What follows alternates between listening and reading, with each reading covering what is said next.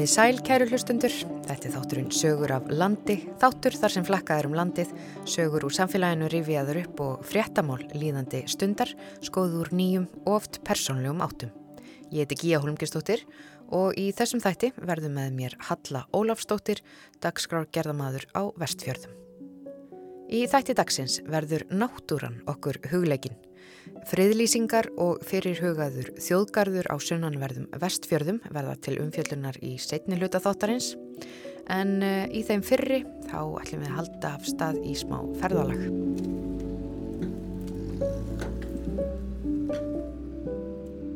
Ferðin er heitið innst í Bárðardal í Þingiðarsveit, dal sem að hefur verið þó nokkuð í umræðinu undafarið vegna fyrirhugaðra virkjana svartár virkun og nú síðast fyrirhuguð einbúa virkun í skjálfandafljóti. En skjálfandafljót er jökulfljót sem að fellur niður Bárðardal. Þekktir fossar eru í skjálfandafljóti eins og Aldegjarfoss og Goðafoss en Goðafoss er einn vinsalasti ferðamannastæður landsins og var sömari 2020 friðlýstur. Við beigjum út af þjóðveginum hjá Goðafossi og keirum inn Bárðardalinn austanverðan. Ferðin er heitið í Svartár Kott sem er innsti bærin í dalnum.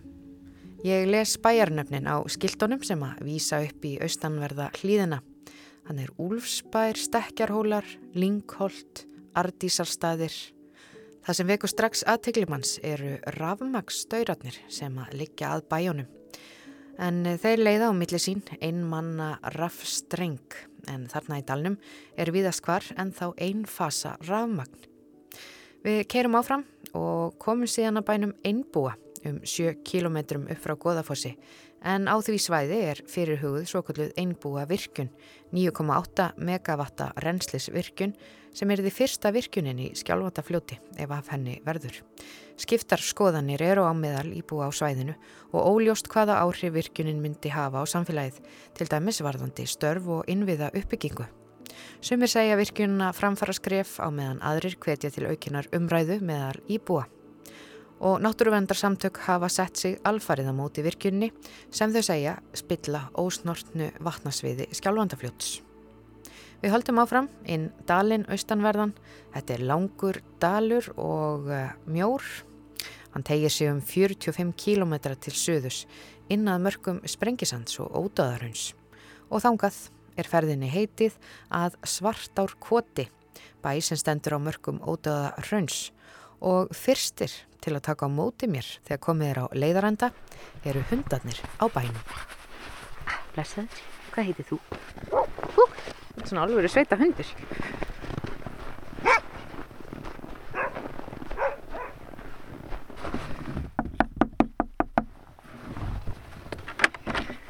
Góðan daginn.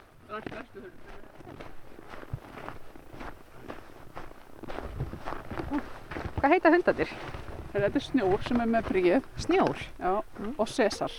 Snjór er svolítið óalgengt hundanafn, mjög fallit. Ég heiti Guðrún Sigriði Tryggvandóttir og er bóndi hérna í Svartakoti í Baradal uh, og allt múli manneska. Það er, hérna, það er ekki til starfsetti yfir það alveg en við erum bara, ég er að vinna við alls konar svona verkefni og, og þess aftar. Mm -hmm. Erfitt að setja eitthvað eitt, eitt títil yfir eh, hvað maður er stundum? Já, það er það stundum. Sérstaklega þegar maður er ekki bara svona að gera eitthvað eitt. Þannig að þetta er alltaf, alltaf vafið svolítið fyrir mér, sko.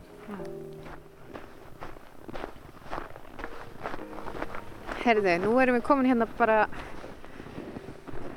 út á hlað hjá þér þetta hús sem er íbúðarhúsið ykkar Já. þetta er nú frekar nýlega byggt. Hvenar, hvenar kom þetta hús ykkar? Herri, við, við byggðum það mellum 2003 og 2005 og fluttum inn sérst, í april 2005 Þannig að þið byggðuð ykkar eigið íbúðarhús þegar þið fluttuð hingað all fjölskyldan Já, við þess að bara vorum fyrst í íbúðinu hjá pappa og þau voru í af og ömmu íbúð meðan við vorum að byggja. Þetta tók náttúrulega alveg smá tíma. Við, hérna, við vorum með smiði að, að gera það að klárta utan og svo vorum við mjög mikið bara að vinna sjálf og fjölskyldan okkar fjölskyldan okkar var mjög mikið með okkur í þessu Já, svo hérna ef maður horfir til uh, Austurs, Austurs. já, akkurat. Þá er gamla íbúðurhúsið þar sem að þú væntalega úlst upp í. Já, Og svo eru þið hérna með hvað það eru fjárhúsin og þið eru með vélageimslu og vinsluhús. og vinsluhús. Vinsluhús, eru þið með vottað vinslurými? Já, og, og svo er rafstöðin en það brúin. Já. Við framleiðum okkar eigin raman sjálf. Þið eru með svona smávirkjun. Við erum með svona smávirkjun. Hingað hefur aldrei verið lagt raman og í rauninni kemur þessi virkjun til út af því að á sínum tíma, tíma neitaði þar til fyrirtæki að leggja raman hingað. Þetta voru langt frá. En, uh, og tryggir þessi litla virkjun ykkur alltaf ramag sem þið þurfið? Já, hún gerir það. Þú varst að tala um að það hefur verið torfjós hérna þegar þú varst allst upp. Já. Þess hérna við vatnið, hérna eist er, er, var hesthús, svo er þetta reikhúsið sem Já. er notað í dag og svo er fjósið þarna og við, sérst, það sem að tóftin eða heilaðan var fyrir við fjósið, þar er núna gróðurús, Og þetta vatn sem þú talar um, hvað heitir það? svartárvatn. Og gætir þú núna bara sagt okkur svona, svona helstu kennileiti þegar við horfum hérna yfir? Já, sérst, ef þú horfir hérna austur þá sérur Seldafjall og Bláfjall og svo eru hérna Hrútálsar og, og Kvamfjallin sem að myndar haldið svona sam breiðunum sem þú sér er, er ekki auðvitað að sjá á milli þú veist hvað er hvað og svo sjáum við Eggert og Kollutingu og svo í bara hotnið á Herðubreið Já, já, já. og svo sjáum við Dingifjöllin hérna Já. þar sem Aski er Einmitt. Og svo hérna í söður sjáum við Tralldingu og, og, og Vatnajökul. Já, þið sjáuð alla leiðina í jökli. Vel, bara í góðu skegni eða? Já, hann sést bara, held ég að maður segja sko oftar en ekki. Já. Og svo ef er rosalega gott skegni og það gerist ekkit oft, þá sjáum við á Snæfell. En það þarf að vera alveg sérstök skiliði. Mhm. Og náttúrulega sumrið til að því að þá stendur hann út, þú veist, hvítur úr, Já. úr öðru sem er dögt. Einmitt. En það er erfiður átt að sjá hann á öðrum tímum.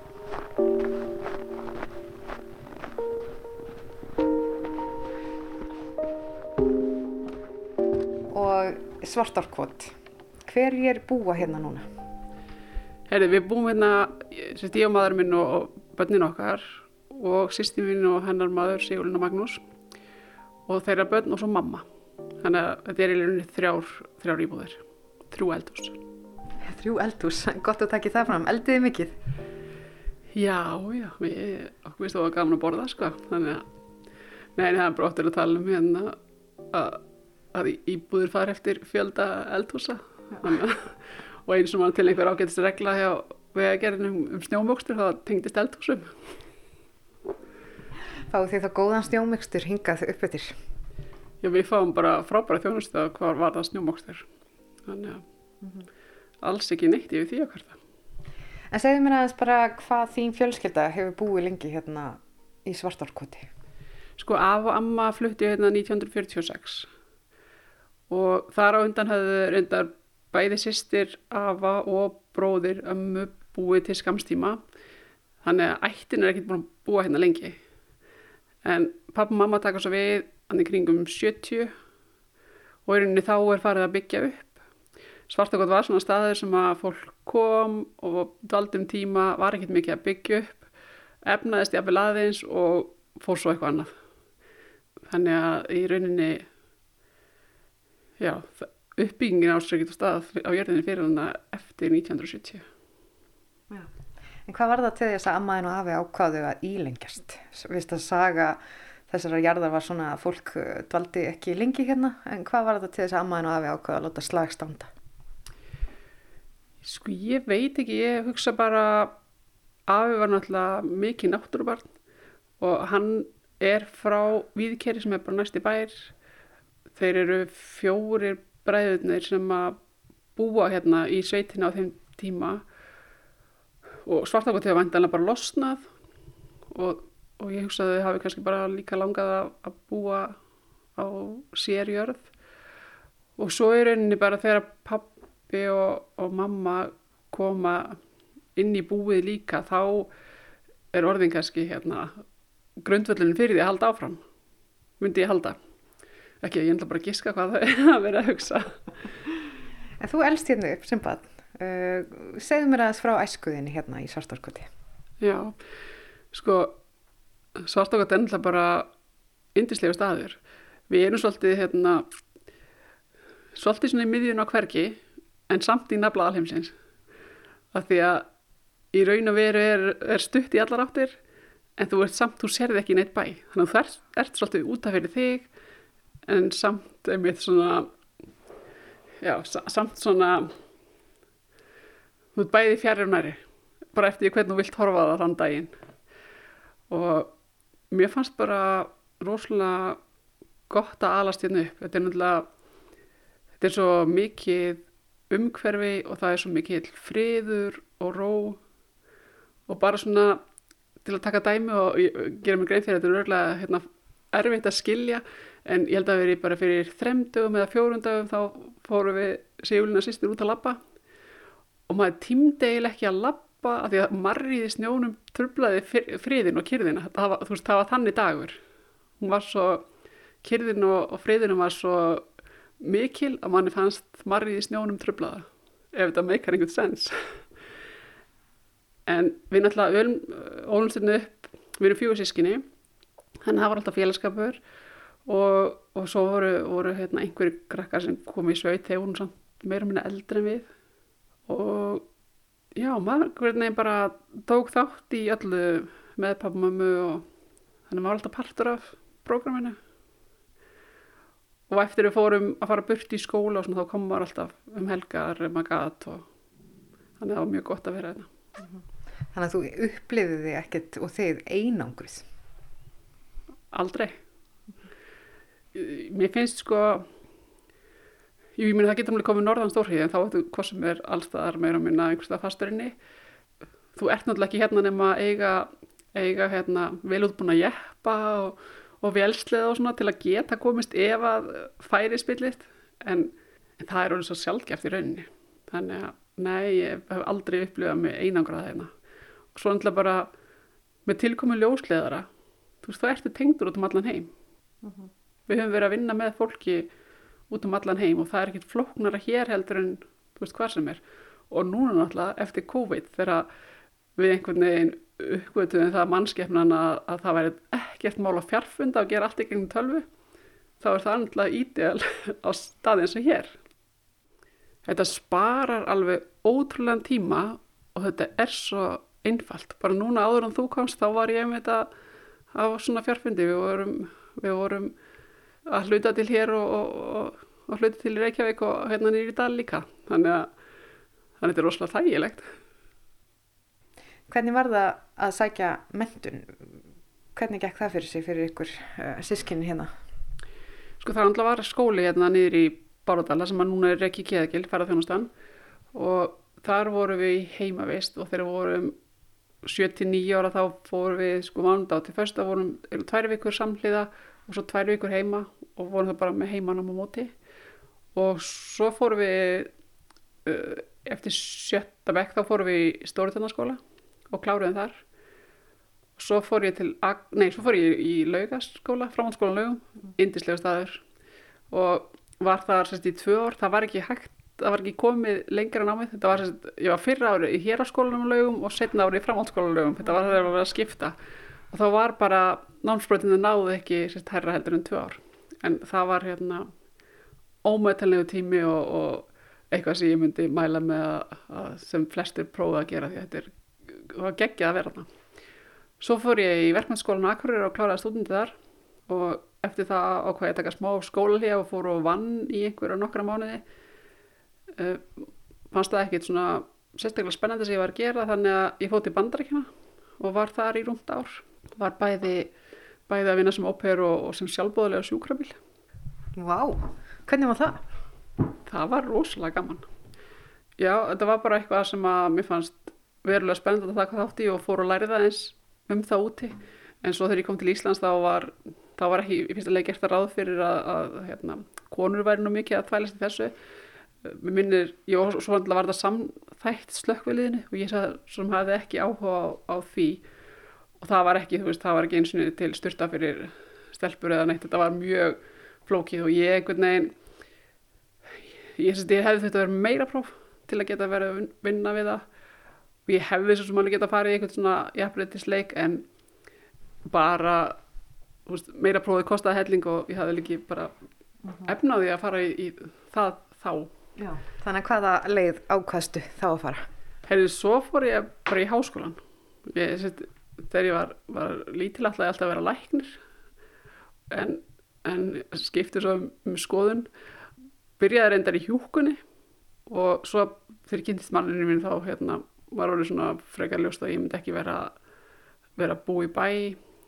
Þannig þá skipti ég yfir í kennaran og kláraði það. Mm -hmm. Og svo fórum við bara og, og fórum og byggum í sveitinni. Sko. Já, svo fluttuðu hingað. Já, og í rauninni sko þegar út bóndið þá samþættir alla starfsgreinar í einni vegna þess að, að þú þarfst svolítið að vera að gera allt ef þú ætlar að ná, ná hérna, að bjerga þér, sérstaklega þegar þú býr svona aðeins lengra frá. Já, og þú hefur nú nýtt þína kennaramöndun eh, já, við að kenna þínum eiginbönnum, er það ekki? Jú, jú, ég hef gert það. Uh, Þegar barnaskólinn hérna var næðuð niður og all starfsemi fluttin í stórutinni sem er í 55 km fjarlæð að þá voru við bara nýflutt og þetta var svo sem ekki, ekki eitthvað sem maður sá fyrir að myndi verða gert. Þannig að þá er rauninni bara einn möguleik þar að reyna að vinna með aðstæðum og gera þær, gera þær sem auðveldastar. Þannig að ég kendi þeim heima eldri krakkunum mínum sem sagt 1-2 dag í viku og það virkaði rauninni bara mjög vel og þau allavega hafa öll staðið sig flott og, og er að koma vel út þannig að ég held að hafi eng, enga veginn haft neikvað áhrif á neitt í kringu þau. Segðu mér aðeins frá hvernig búskapur hefur verið stundaður hérna í Svartárkoti. Sko núna erum við bara í sveitfarækt en, en það voru hérna kindur og kýr og hestar og, og hænur og allt sem þurfti bara í þessum sjálfsetta búskap sem var. En þetta er ekki heppil í jörð fyrir kúabúskap en hún hendar ágætlega sem sveitfjarbú og það er í rauninni svona grunnurinn að, að öllu hinnu. Og hvað eru þið með margar kindur núna? Við erum með svona 360 á vetrafórum. Það er bara svona tiltölega þægileg og viðræðanleg stærð. Þannig. Og eru þið sagt, í saminningu með þetta, þú og, og sýstir þín, sem sagt, þessar tvær fjölskyldur? Já, já, við, við erum rekomenda bara saman. Hvernig kom það til að, að hérna, þið sýstur snýruð aftur á heimaslóðunar? Já, sko, pappa og mamma voru bara þannig stemd að ef einhver vildi taka við, þá var það velkomið.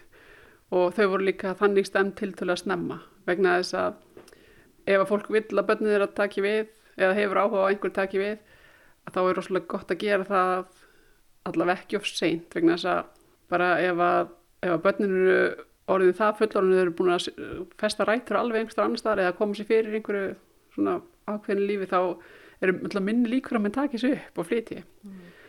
og við náttúrulega höfum mjög sterkar rætur til svartarkvæðs þannig að þegar að þess, þessi umræða kom til að þá, þá fórum við bara meira að hugsa um þetta. Og við vildum svo sem líka í rauninni geta haft ákveðið frelsi þannig að, þannig að við hérna, ég og maðurinn minn spurðum um Sigurlun og Magnús hvort þau varu til ef við færum að fara líka. Þannig að við setjum alltaf algjörðan gambit á þau. En þetta var allavega okkar niðurst þannig að við erum hérna all og elsta dóttir okkar stefnir á að koma og búa og fara í hérna bara einhverja, einhverja nýskupun samlega því eða vinna meira og, og sveið fyrir afriðum og bönnin hjá Sigurlun og Magnús eru ekki dólum það gömul en þá er kannski ekki, ekki, komið í ljós. En þetta áheldur ekki vera að pressa þetta á að vera þetta á að snúast um hvað fólk langar að gera og hvað það vil gera og hvaða tækifæri það sér og hvernig það sér möguleikun á fylgja þessum tækifærum. Vegna þess að ég held að sé bara svo einfalt að, að það er allt fullt af tækifærum allstaðar þetta er bara spurning um hvað og hvernig og, og já, hvað, hvað mann langar að gera og hvað mann vilja að gera og hvernig þeir vilja nota tækifærin sem þeir hafa. Uh -huh. um, Taland um nýsköpun uh, þið fenguð nýlega styrk til þess að þróa svona uh, íslenska ráskingu segð mér aðeins frá því. Já, við ætlum að hérna, við ætlum að fara að þróa íslenska ráskingu úr kindakjöti og útrúlega heitir þetta Hamón þannig að við vorum að spója þetta var náttúrulega svona Æmón væntalega það sem þetta var ekki úr Ham. En, en sko Ærmón já, eða Æmón eh, sko við hérna við förum svolítið til spána, svonur okkar býr á spáni. Og mér finnst svona Hamón rosalega gott kjöt. Og það er bara svo lógíst að við getum gert þetta úr, úr kindakjöti og við þurfum líka bara auka fjölbreytni og, og fá betri nýtingu og, og leika okkur svolítið með nýsköpun. Og þó þetta sé byggt á gamlum hefðum og, og hafi verið gert og þá kannski erum við að, erum svona, erum að þróa þetta ferlið en frekar.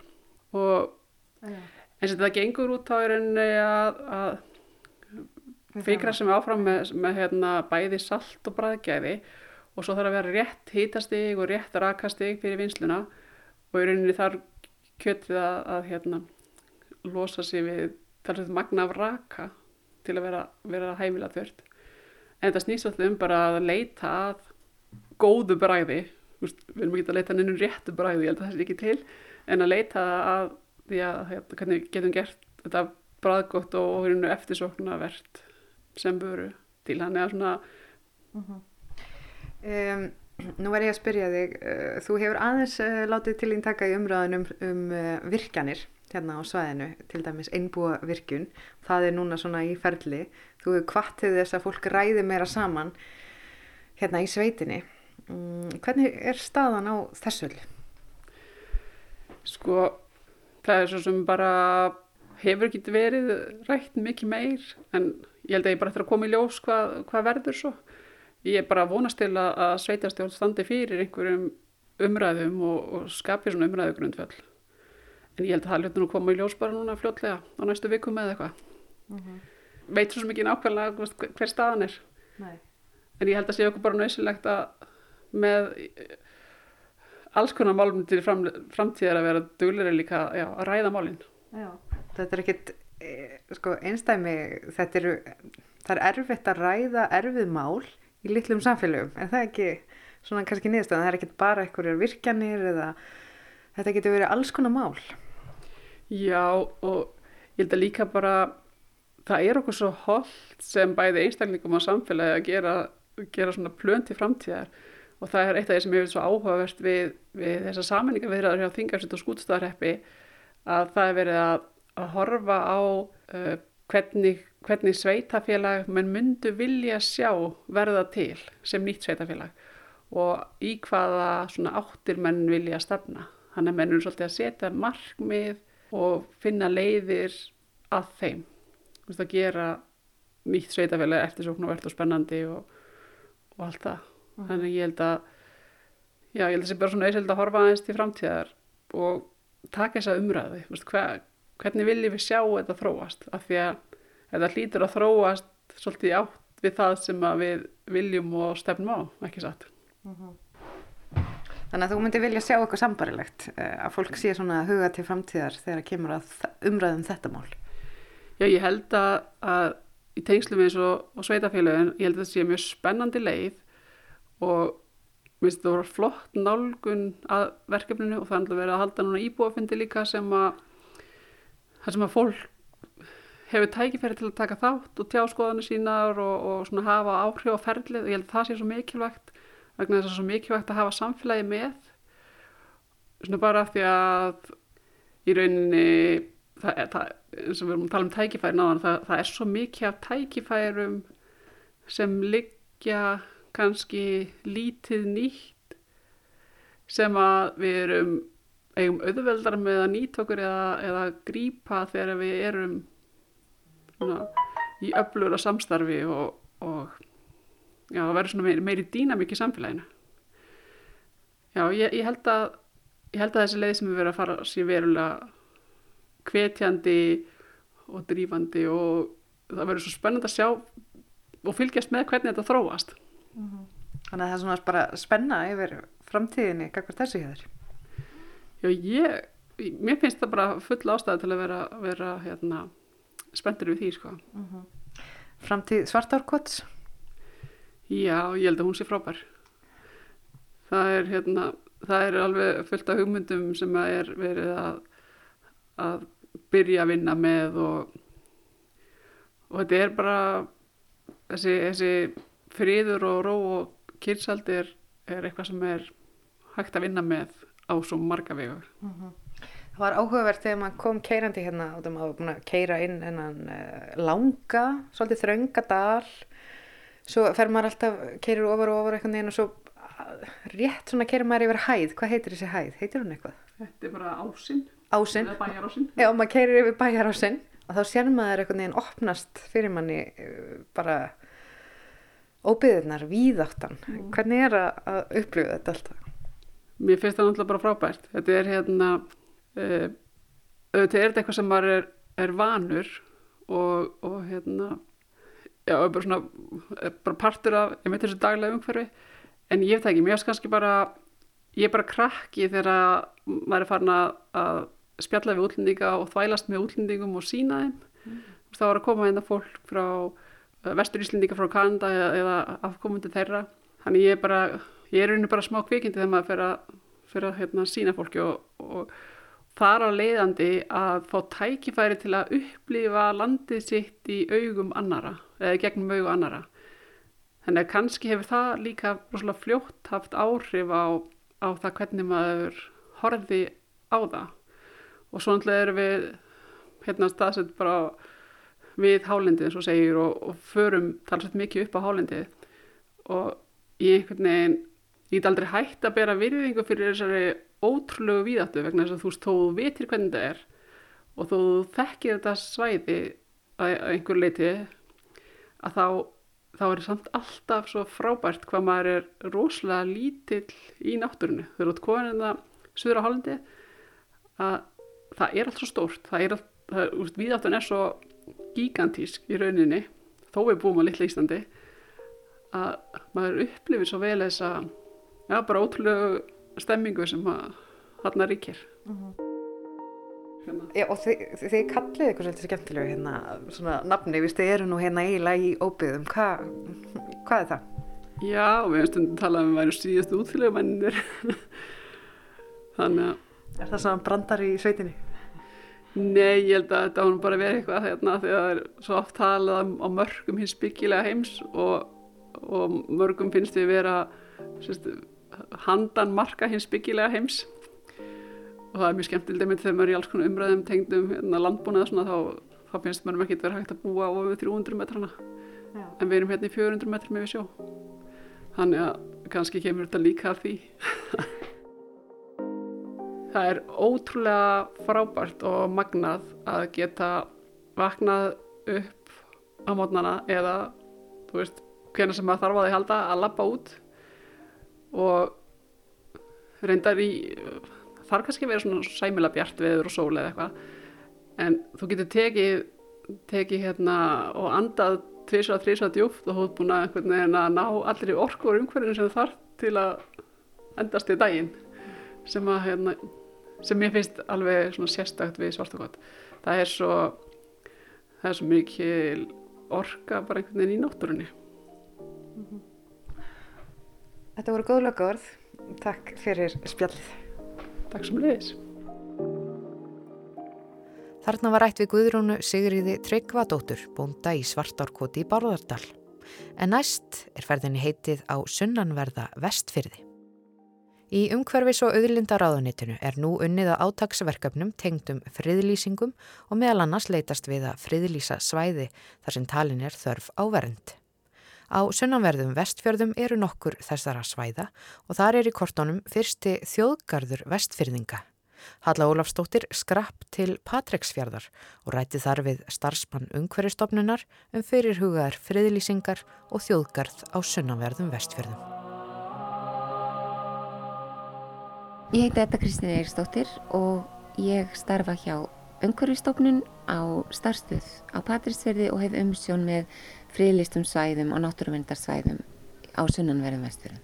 Það hefur verið nógu að gera í þeim málefnum svona undafarið. Hvað stendur til hérna varðandi fríðlist svæði á, á sunnanverðum vesturum? Það er eh, svona það sem er stærst núna er fyrirhugaður þjóðgarður á vestverðum sem er í ferli núna, það áform voru kynnt fyrir áramót og þá bárust nokkra rættuversemdir og núna er, er áframhaldandi vinna hjá hópnum við að, að semja frilýsingar skilmála og koma þessu í farveg. Það verður aðeins verið minna um að við getum kynnt þetta eins og vanir vegna samkomi takmarka samkomi takmarkana veldin COVID mm -hmm. en hérna við vonumst til þess að geta haldi fund, kynningafundi í sveitafélagunum sem sagt e, svæðið sem að þjóðgarðun fellur undir tilherir bæði Vesturbyggð og Ísafjörðabæ yeah. og en við ráðgerum að, að auglýsa skilmála sem að verða þá opnir fyrir alla, senda aðtóa semtir við uh, upp úr miðjum februar. Já, en segjum við aðeins frá þessum fyrirhugaða þjóðgarði. Já, þetta er sagt, svæði sem að markast af friðlandinu Vastfyrði, uh, Dinjanda, Surtarbrandskili og Brjánslækjarlandinu og Hrapseyri uh mhm. -huh. við Arnarfjörð. Þetta er allt land sem er í ríkiseigu. Þetta er náttúrulega gríðarlega verðmætt landsvæði, þarna er að, þarna er hugsunin svo að tengja saman stórsvæði sem eru þegar friðlýst og búa til svona heilt. Þau likki ekki alveg saman þessi svæði? Nei, þetta verður þá sem sagt saminað í eitt. Svæðin Surtarbrandskil, Vassfjörður og Dinjandi eru þegar friðlýst en þarna er verið að taka undir þá Dinjandi segðina og Gerþjófsfjörðin sem er mjög merkilegur í náttúru lugutilliti og svo brjánslækjar jörðina. Það er semst í auðlistum mörgum uh, sem, sem er verið að vinna með núna mm -hmm. um, og, og hrapseyri. En hrapseyri reyndar, hún er stök frá, hún, sli, hún slitnar frá en það er náttúrulega heilmikið starf sem hefur verið unnið á síðust árum þó að bletturinn sé ekki friðlistur sko. Mm -hmm. Þetta svæði myndar uh, sögulega heildaldið sko, sem að bara rekur sig allt frá landnámi Íslands þegar flóki er sagður hafa komið í Vassfjörð mm -hmm. og, og, og fylgir hérna, þjóðinni alveg til þess tíma sem að sjálfstæðisetja Íslandinga fæðist á hrarsþeiri 17. júni mm -hmm. og þetta er merkilegt sæði út frá náttúruminjum miklar jökulminjar e, í Vassfjörði eru öll búsæði fuggla nema fugglabjörg Það er net eh, plöntustengjarvinga þarna á stóru svæði eh, þar sem að surtabrandskilinu hvað einna þekktast og svo er það þessi menningarlega heild líka. Þetta svæði býður í rauninu upp á allt sem að þjóðgarður á að hafa og, og, og, og staðinu svo dinjandi sem að er gríðalega mikið sammenningatákn fyrir vestfyrringa og kannski einn svona þekktast, einn þekktasti bletturinn okkar og róður hans borist víða og þessi, þessi þjóðgarður sem sagt hann nær ofan í fyrði sem á ekki við um hérna þjóðgarðan okkar þrjá. Mm -hmm. þannig að hérna já, hann er merkilegur. E ef af honum verður svæðið er merkilegt fyrir margar sakir. Sagamenning og, og náttúrufar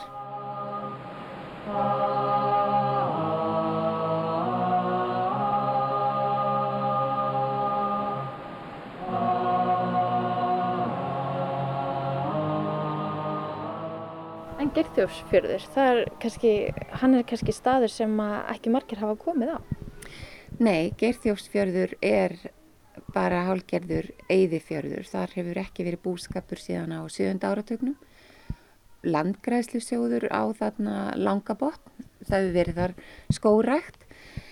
Það er engin vegur sem likur í fjörðin og það er hægt að koma stofan í hann gangandi en, en ég fór þarna fyrir tveim árum og na, hann er mjög torfær vegna þess að, að sko gróðurinn hefur bara fengið að, að vaksa á nokkurs ágangs eða álags. Þannig að maður þarf bara svona kasta sér í gegnum hrísið á, á sömur stöðum. Gerþjófsfjörður er náttúrulega líka merkilegur bara fyrir söguna. Þarna bjó auður kona Gísla og Gísla Súrssonar sem kom við víða hér á þessu svæði. Og þarna uh, fjallan fyrir hendi barkardigra á manna hans á einhamri uh, með yðrin úti mm. eins smekklegt og það er nú. Þannig er hann! Hann er þann uppi!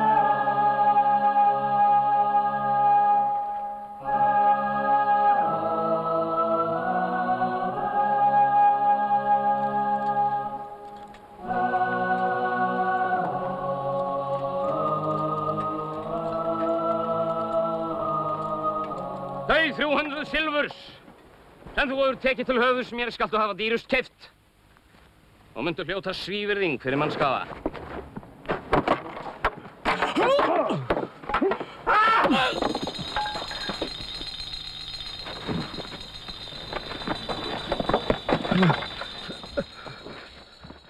Þannig eru miklar minjar og, og, og sagan á hverju strá ef, við- ef við trúum hérna, því sem kemur fram í Íslandikastöðum.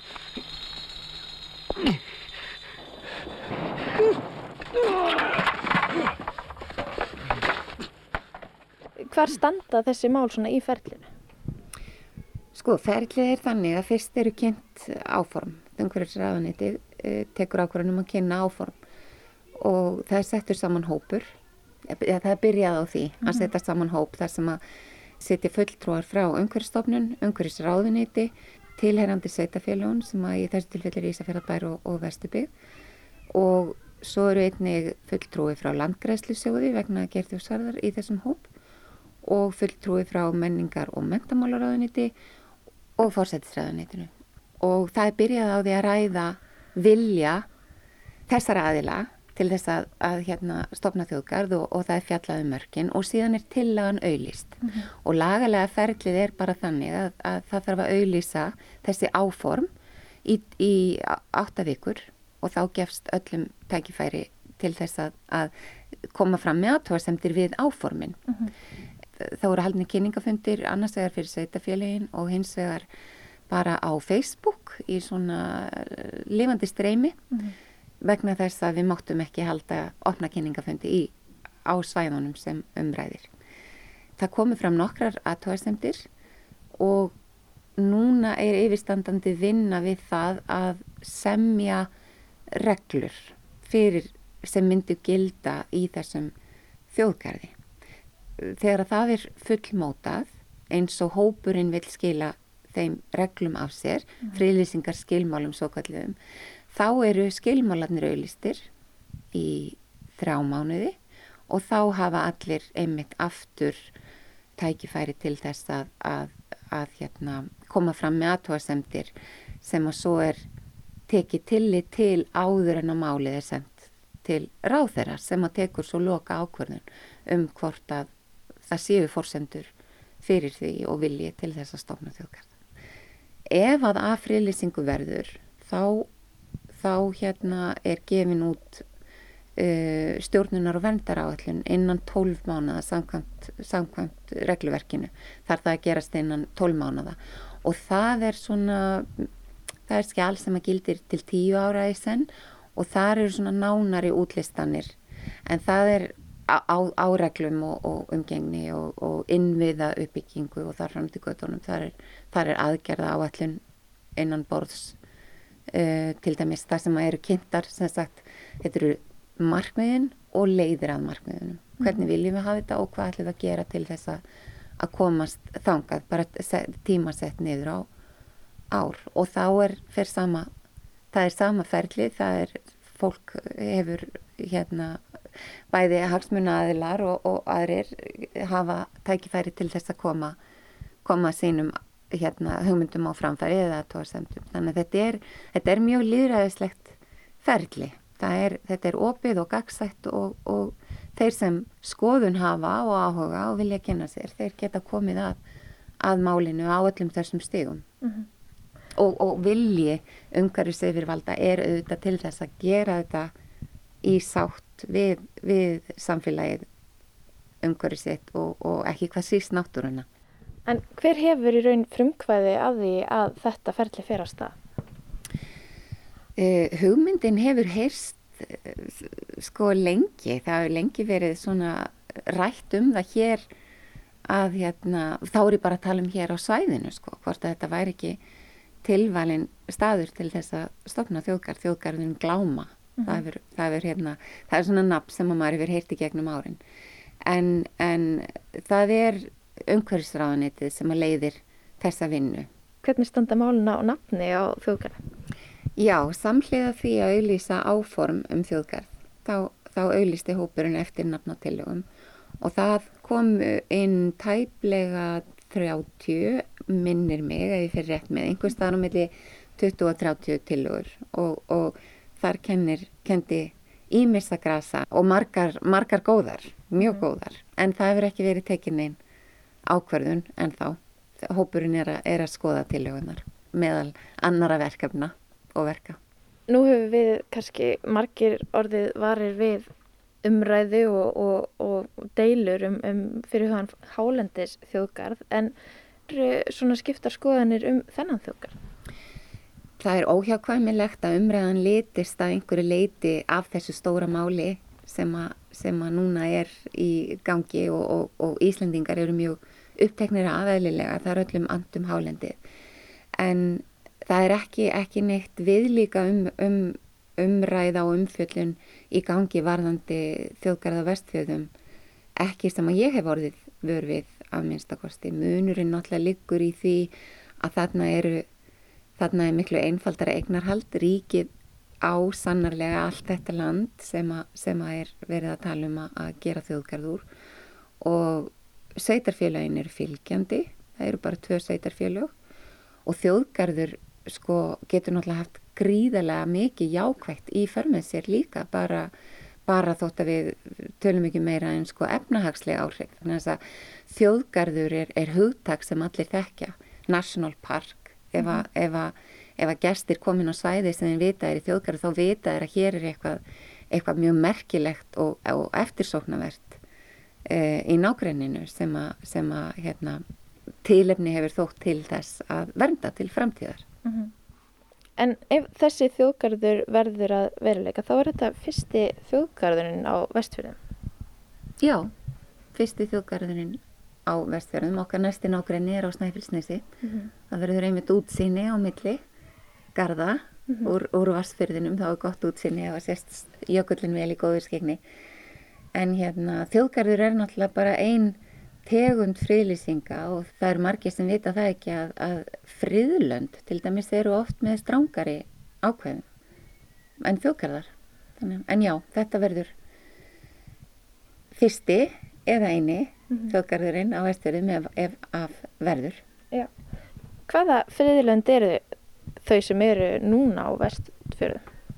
Það eru friðlöndin á Hortströndum og friðlöndið í Vassfyrði síðan er uh, surtarbrandskil og dinjandi eru náttúruvætti, mm. það eru önnur tegund friðlýsinga og svo er líka friðland í Flatey sem að við til heyrir, heyrir undir Reykjólarepp og þar afleðandi vestfjörði og, og þar er einmitt núna á, á hérna bara loka sprettinum vinna við endurskoðun friðlýsingar skilmála þar sem að friðlandið verður lítilega stækkað.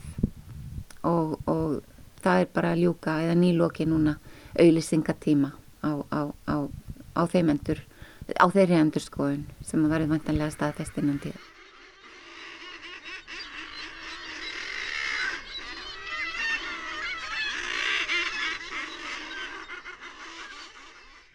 En þetta er ekki eina friðlýsingarmáli sem er í, í pípunum hérna. Ef við horfum aðeins til vesturs þá er líka unnið að frilýsingamálum á Látrabjörgi. Hver er staðan á þeim?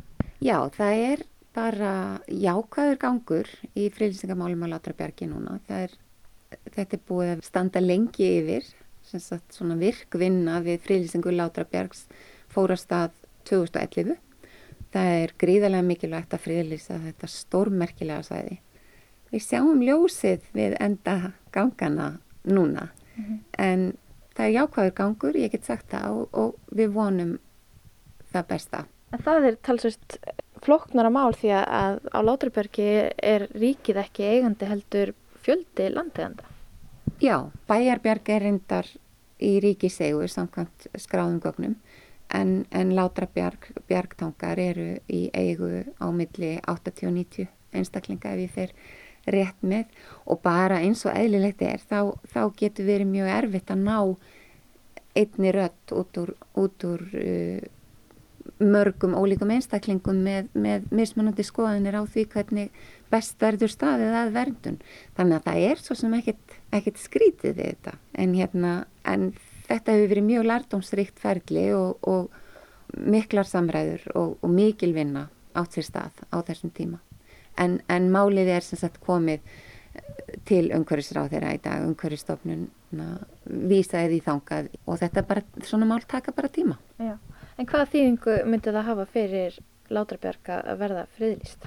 Sko með friðlýsingu að Látrabjörgi þá er hægt að einmitt að setja fram reglur um umgengni, eh, markmið og leiðir að markmiðum.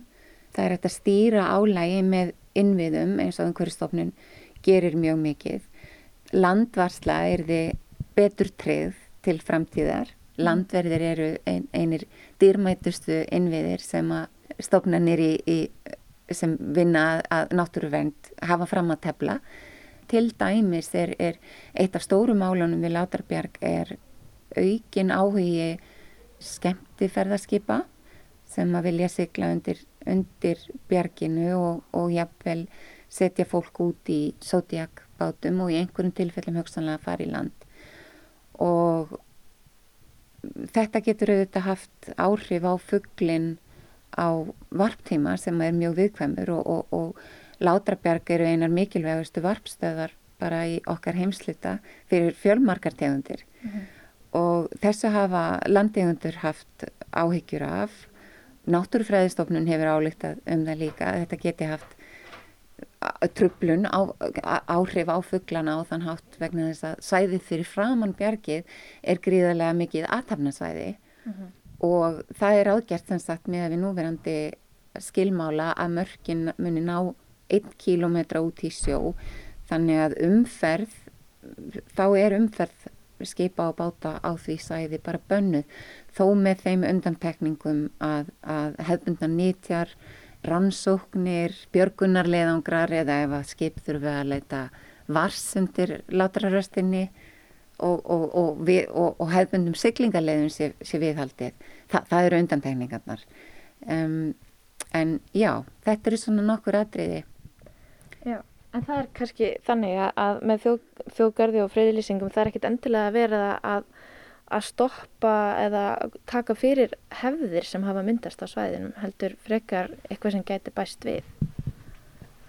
Já, það er í tilfelli Látarbjörgs þá er það mjög skýrt í friðlýsingar skilmálum að, að hefðbundna nýtjar haldist eins og verið hefur. En hvar, hvar stendur friðlýsing Látarbjörgs núna? Já, málið er hjá ráþerra og hann hefur verið mikill vinnu í samvinnu við landegundur um, um að gera skilmálana úr gardi þannig að, að sem flestir séu sáttir og boltin, boltin er þar og við vonum bara það besta að, að Látarbjörg verði friðlist innan tíðar. Kæra þakkir fyrir spjallið, Edda Kristín Eiríksdóttir. Takk sem leiðis. Halla Ólastóttir rætti við ettu Kristínu Eiríksdóttur um fyrirhugaðar friðlýsingar og þjóðgarð á sunnanverðum vestfjörðum. Í þessu einslægi heyrðust líka stuttar senur úr kvikmyndinni Útlaganum í leikstjórn Ágústar Guðmundssonar, kvikmynd sem var frumsyngd í lok árs 1981 og fjallaði um gíslasögu Súrssonar. En þá er komið að lokum hér í sögum af landi. Tæknum aðeins þessum þætti var Lítiða Gretarstóttir við þökkum þeim sem hlýtu. Lífið heil. thank you